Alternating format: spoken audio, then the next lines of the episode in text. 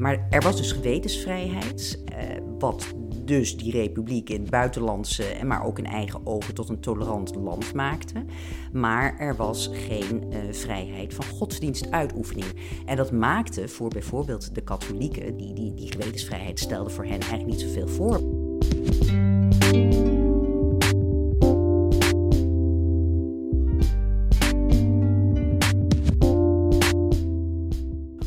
Onderdrukking en vrijheid. Over die thema's organiseren de Universitaire Bibliotheken Leiden dit jaar een mooi programma. In deze podcast gaan we in gesprek over topstukken uit de collectie. In deze aflevering Carolina Lenarduzzi over katholieken in de Republiek der Zeven Verenigde Nederlanden.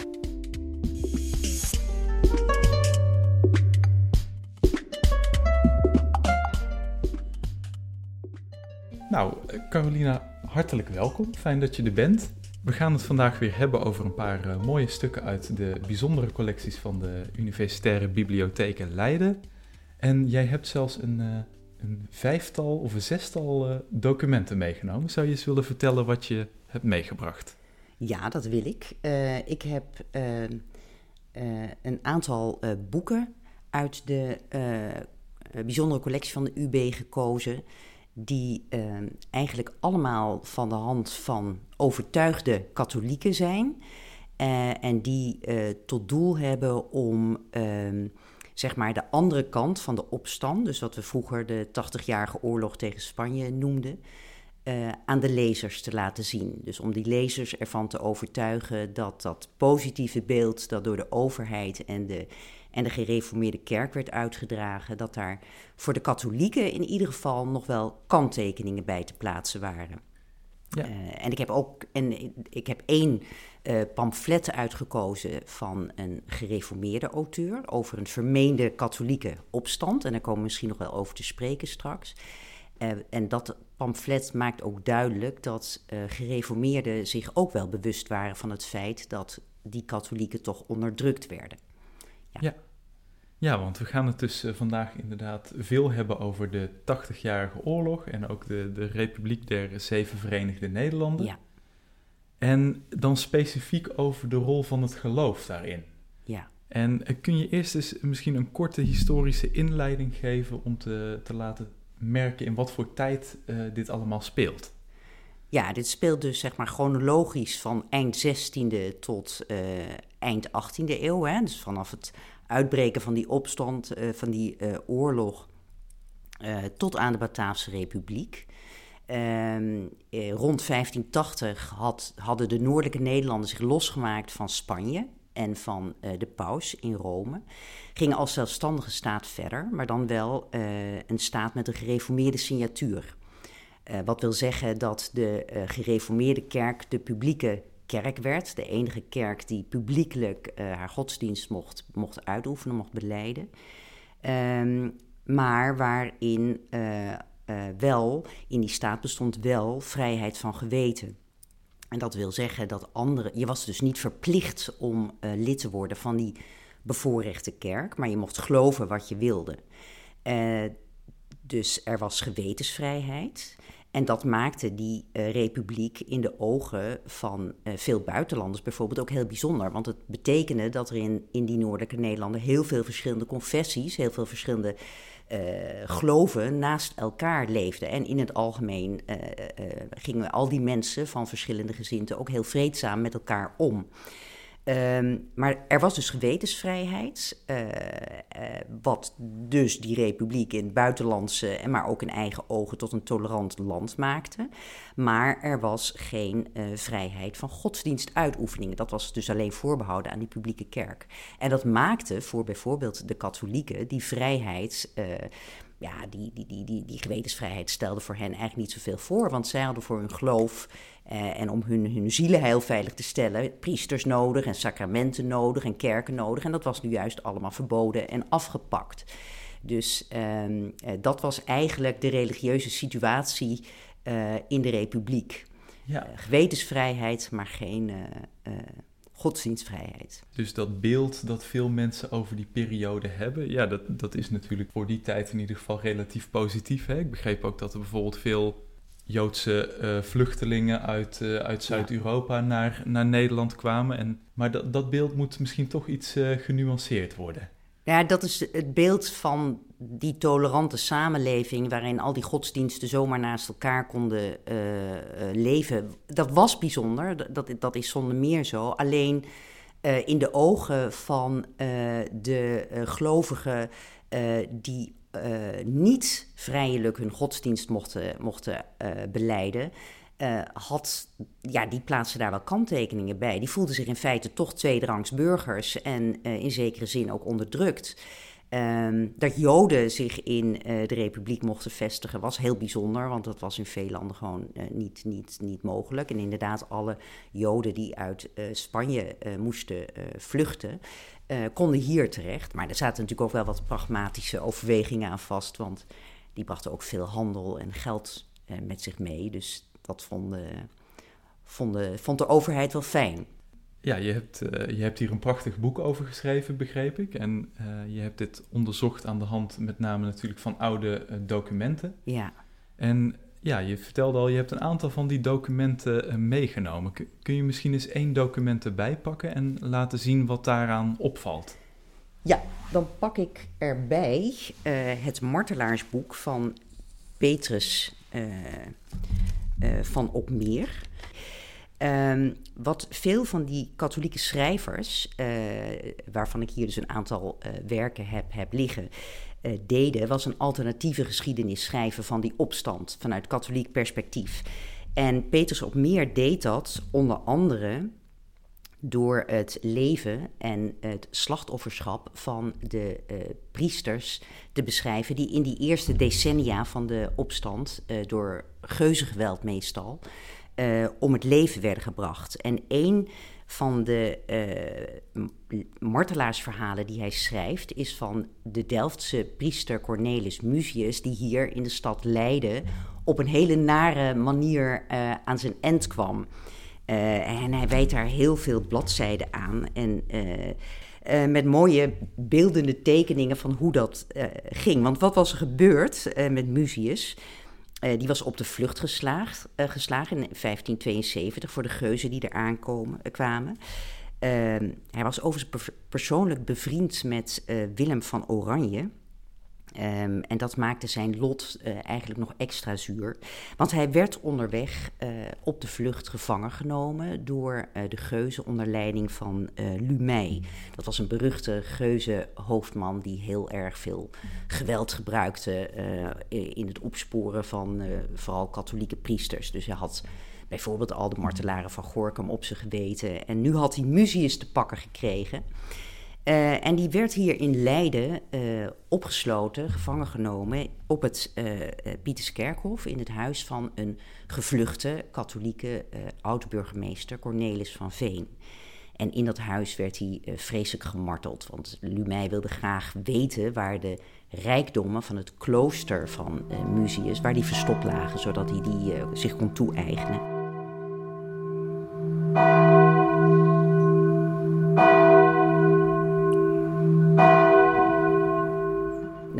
Muzius die, eh, die hield de lippen stijf op elkaar, die, die verraadde dat niet. Uh, dus die martelingen waren vreselijk, maar liepen op niks uh, uit voor Lumey. Uh, en de volgende dag werd Muzius geëxecuteerd, opgehangen op de Blauwe Steen, de plaats waar destijds de executies werden uitgevoerd, hier in de Breestraat in, in Leiden. En die geschiedenis van Muzius, die, dat martelaarschap, dat werd hier in Leiden voor katholieken een soort alternatief, uh, alternatieve herinneringscultus rond de opstand. Dus, dus wat, wat, wat de, de, overheid, de stadsregering in Leiden deed. En de predikanten was juist de herinnering aan het beleg en het ontzet van Leiden en de uitdeling van haring en brood door de geuzen propageren, hè, waardoor uh, alle Leidenaren van een hongerdood zouden zijn gered. Maar wat er in katholieke kring gebeurde en wat deze Petrus op meer dus in zijn martelaarsboek deed, was een alternatief. Uh, uh, een alternatieve herinneringscultuur creëren, die juist duidelijk moest maken dat die geuzen helemaal niet redders waren, maar juist, juist slachtoffers ja. maakten van uh, de katholieken. ja, misschien kun je kort even omschrijven hoe het boekje er zelf uitziet. Nou, het is eigenlijk een heel klein boekje. Het bestaat uit twee delen. Um, het is dus uh, versierd met uh, pentekeningen, met gravures. En um, het is een heel, in katholieke kring, een heel populair uh, werk. Er is heel veel over geschreven. Dus dit verhaal van Muzius, dat speelt hier echt in Leiden. Hè? Je, je, hebt het over het Gravensteen of ja. Pieterskerkhof. Ja. Je hebt het over de, de Breestraat. En nu is het natuurlijk uh, sowieso dat een deel van de Universiteit Leiden heel nauw verbonden is, eigenlijk met die ja, strijd, zou je kunnen zeggen, tussen katholieken en uh, protestanten. Ja. Zo is het academiegebouw, zit bijvoorbeeld in een oud uh, katholiek klooster. Het lijkt me best wel bijzonder als je deze ja. tijd bestudeert en je werkt tegelijkertijd aan de Universiteit Leiden, dat iedere keer als je in het academiegebouw komt, dat dat misschien iets anders voor je betekent dan voor mij bijvoorbeeld. Ja het, is, ja, het is inderdaad waar dat uh, de universiteit is, uh, is eigenlijk uh, gesticht met, gefinancierd uit katholiek bezit. Hè? Dus de, de bezittingen en het vermogen van de abdij van Egmond zijn aangewend om de universiteit te stichten. en de universiteit is voor een deel inderdaad ondergebracht, gevestigd in gebouwen die vroeger aan de katholieken toebehoorden. Uh, kloosters inderdaad onder andere. Uh, zelf uh, heb ik in mijn onderzoek ben ik tegengekomen dat um, waar katholieken zich heel erg boos over maakten en heel lang ook boos over maakten, was juist dat katholieke bezit. Dat werd afgenomen. Dus niet alleen de gebouwen, zoals kloosters en kerken, maar ook allemaal rijkdommen, zoals uh, met, met edelstenen versierde reliekhouders of kruisen en kunst. Daar maakten ze zich verschrikkelijk boos over. En um, waar ze zich dan ook extra boos over maakten, en dat speelt dan bijvoorbeeld niet met het academiegebouw, maar er werden natuurlijk ook allerlei dingen onteigend omdat ze zogenaamd afgoderij zouden zijn, hè? bijvoorbeeld die reliekhouders en zo. Maar als het afgoderij zou zijn, dan zou je dus gewoon het gebod van God moeten volgen dat je dat moet verbranden. En dat deden de geuzen natuurlijk niet. Die, die verbranden wat waardeloos was, maar die hielden wel graag de kostbaarheden. Uh. Nou, daar maakt de katholieken zich heel boos over. En als je dat weet, dan wordt dat wel invoelbaar als je bijvoorbeeld inderdaad in het academiegebouw rondloopt. Maar dan moet ik wel meteen bijzeggen dat ik daar zelf dan niet uh, de boosheid over voel of zo. Nee, gelukkig maar. Ja. en ja, we hebben dus net besproken het verhaal van Muzius. En dat is een heel vreed verhaal, zou je kunnen zeggen. Ja, is, dat nou, is dat nou representatief voor wat er uh, in die tijd uh, gebeurde tussen katholieken en protestanten? Of was, was dit echt een excess? Nee, het is, het is niet representatief. Er zijn in Nederland eigenlijk uh, heel weinig doden gevallen. Uh, heel weinig uh, katholieken vermoord. Uh, het eigenlijk vooral in de eerste jaren van de opstand en dan eigenlijk vooral door dit soort wel excessief geuzengeweld. Maar er is, voor zover ik weet, nooit door de overheid iemand geëxecuteerd. Anders dan bijvoorbeeld in Engeland het geval was. Maar Engeland kende natuurlijk wel een staatskerk. Hè? Daar, was, daar moest je lid worden van de, van de Anglikaanse kerk, of de kerk van Engeland. Dus dat was een, een wezenlijk verschil. Nee, dit is echt, echt excessief, maar het, het, waren natuurlijk wel de verhalen die echt tot de verbeelding uh, spraken. En dat zie je ook bij Muzius, want het gereformeerde pamflet dat ik heb meegenomen, waar we het straks even over hadden aan het begin van ons gesprek, daar, daar speelt niet zozeer in dit maar in wat er toen gebeurde, speelt, speelt hij ook weer een rol. Want was, wat was er aan de hand in 1734, dus dan zitten we fors later in de tijd, uh, toen uh, viel uh, Sint-Jansdag, dat wordt gevierd op 24 juni, viel samen met Sacramentsdag. En dat was echt heel uitzonderlijk. En dat zijn allebei katholieke feestdagen. Dat zijn allebei katholieke feestdagen. Dat was heel uitzonderlijk en daardoor ontstonden er geruchten in de republiek dat de katholieken op die dag de macht zouden grijpen. En um, in Leiden, uh, Leiden speelde daar eigenlijk een centrale rol in, in dat uh, geruchte circuit. In de zin dat die geruchten, en dat blijkt ook uit dit uh, pamfletje van, van een gereformeerde schrijver, die geruchten die waren gebaseerd op oude voorspellingen. En een van de boeken die in 1680 werd uitgegeven, was uh, een boek van uh, een katholiek, Dirk Mensink. Dat heette De Twaalf Profiterende Tongen. En een van die tongen, een van die voorspellingen, was de voorspelling van een vrouw, die heet Onnozel Treintje. En Onnozel Treintje had een aalmoes gegeven aan een arme man, die achteraf de heilige Antonius bleek te zijn. En die had haar in ruil daarvoor een toekomstvoorspelling gedaan. En die voorspelling luidde dat er een soort eindstrijd zou komen en dat die in Leiden zou beginnen. Onnozel treintje vertrok naar Leiden om staand op de Breestraat, waar dus Muzius eerder was vermoord, te verkondigen dat uh, inderdaad er een, uh, dat Leiden voor de derde keer belegd en ontzet zou worden. Uh, en dat de Leidenaren als geus zouden gaan slapen, maar als katholiek weer zouden opstaan.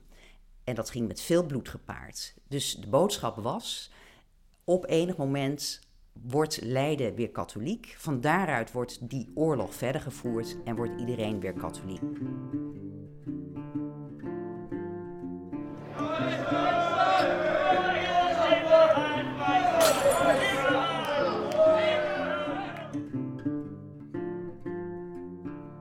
Nou, en ik zie dat je ook nog een prachtig pamflet hebt meegenomen. Ja, dat klopt. Dat is het, dat is het pamflet waar, wat ik zo even al noemde, uh, uh, geschreven door een uh, gereformeerde gelovige over die vermeende samenzwering van de katholieken in 1734. Het is een heel bijzonder pamflet. Hè? Dus een soort, dat waren dus een soort vluchtschriftjes die makkelijk verspreid en gedrukt en goedkoop waren. Dus die in brede kring in de, in de samenleving verspreid konden worden. Maar nou is het bijzondere van dat jaar 1734 en die, die juni-paniek, zoals die katholieke samenswering de, de boeken is uh, ingegaan, dat er maar heel, heel weinig van dit soort pamfletjes uh, over is gebleven. En volgens mij is het zelfs zo dat dit het enige vluchtschriftje is, volksschriftje, wat, wat we hebben eh, hierover. En het is zo leuk omdat het versierd is met drie tekeningetjes. Uh, die nog eens extra uh, onder de aandacht moeten brengen bij de lezer. Wat voor verschrikkelijk volk die katholieken zijn. Want je ziet twee tekeningetjes over de inquisitie. Hè, de inquisitie, de vervolging uh, van ketters door de, door de kerk van Rome. Dus daar zie je twee twee tekeningetjes van. En je ziet in het midden een tekeningetje van twee katholieken die elkaar een rozenkrans overhandigen. En een rozenkrans, dat was echt zo'n voorbeeld van wat papen altijd bij zich droegen. Daar ga ik dan nu verder niet op in. Maar dat is waar mensen dan katholieken aan konden herkennen. Um, en de titel van dit pamfletje is ook heel veelzeggend. Geeft eigenlijk precies aan waar gereformeerden nou bang voor waren. Want het heet pertinent verhaal van een vervloekte samenzwering der papisten. En wel voornamelijk der Jezuïeten. Die hadden het altijd gedaan, hè, de Jezuïeten. Om volgens haar professie op Sacramentsdag, de welke dit jaar kwam op Sint-Jansdag den 24 juni, alle bij haar genoemde geuzen om de hals te brengen en dan de kerken in te nemen, het welk haar door de voorzienigheid Gods en de goede voorzorgen der Heren overigheid is mislukt. Dus dit pamflet is verschenen na 24 juni. En de schrijver weet dus dan al dat het niet gelukt is, die aanslag waarvan hij denkt dat die gaat gebeuren. Dus dat lees je dan terug in de titel. Um, maar in Leiden was eigenlijk het omgekeerde het geval in de zin dat heel veel katholieken eh, een beetje bang waren voor de enorme boosheid onder de gereformeerde Leidenaren over die katholieke machtsovername die zou plaatsvinden. Dus wat er ook gebeurde in de nacht van uh, voorafgaande aan die, aan, die, aan die feestdagen was dat er heel druk gepatrouilleerd werd door de overheid, lang, de stadsregering, de stadsoverheid, langs de katholieke uh, schuilkerken. Uh, niet zozeer om te voorkomen dat katholieken van daaruit de, uh, de, de, het, het, bloedbad zouden starten, maar juist om te voorkomen dat gereformeerden, die echt helemaal tot het kookpunt uh, opgehitst waren om, om die katholieken een lesje te leren, dat die die schuilkerken zouden gaan aanvallen. Dus ja. het was een beetje de omgekeerde wereld. Een soort omgekeerde beltjesdag bijna. Tot op zekere hoogte, want er was ook een groep echt activistische leidenaren die diezelfde voorspelling van onnozel treintje juist aangrepen om zich te verzamelen op die uh, Breestraat bij de Blauwe Steen. Om daar die priester uit de dood, Muzius uit de dood uh, te zien opstaan. Uh, maar het laat wel heel goed zien dat ehm, katholieken in die tijd nog steeds, althans een deel van hen, want een deel ook zeker niet, maar zich nog steeds echt onderdrukt voelden in, in, in hun eigen land.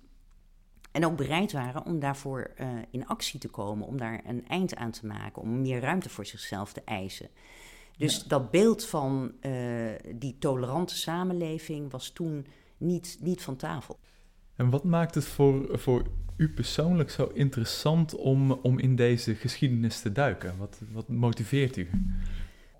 Nou, in, in, ik ben geïnteresseerd in religie in het algemeen. En dan vooral in die tijd, omdat het zo'n omdat het zo alom, alomvattend was, omdat het zo elk aspect van het leven uh, beheerste en omdat ons eigen leven zo ontzettend anders is. Dus ik geloof er wel in dat het goed is om um, de andere kant van de medaille te laten zien, om tegengeluiden te laten horen. Om, hè, we, hebben, we hebben natuurlijk heel lang gedacht dat Nederland een heel tolerant land is. Je hoort natuurlijk wel tegenwoordig steeds meer uh, tegengeluiden, bijvoorbeeld uh, uh, over, in het debat over islam of over de slavernij. Maar er is natuurlijk heel lang geen, geen aandacht geweest voor, voor andere geluiden, voor geluiden van gemarginaliseerde groepen. en nou, ik vond het interessant om dat te laten horen. In Leiden vieren we natuurlijk het jaarlijks het Leids ontzet. Zouden we misschien ook jaarlijks de, de dood van Muzius moeten herinneren? ja, nou dat is wel nou, dat is een mooi voorstel. Het zal anders dan het beleg en het ontzet van Leiden um, niet een, uh, uh, een herinnering zijn die in brede kring in Leiden zal leven. Maar ik denk dat het in ieder geval voor historici in het historisch debat uh, goed is om ook zicht te hebben op, op de andere kant van, van de medaille. En wat ik, waarmee ik niet wil zeggen dat dat niet, niet, niet, niet zo is hoor. Want er is natuurlijk wel. Um, daar is ook steeds meer aandacht voor. en dat, dat lijkt mij een goede zaak. Oké. Nou, hartelijk dank. je hebt het hartstikke goed uitgelegd. En ik wil je graag ja. bedanken voor de komst naar de studio. Graag gedaan. Dankjewel.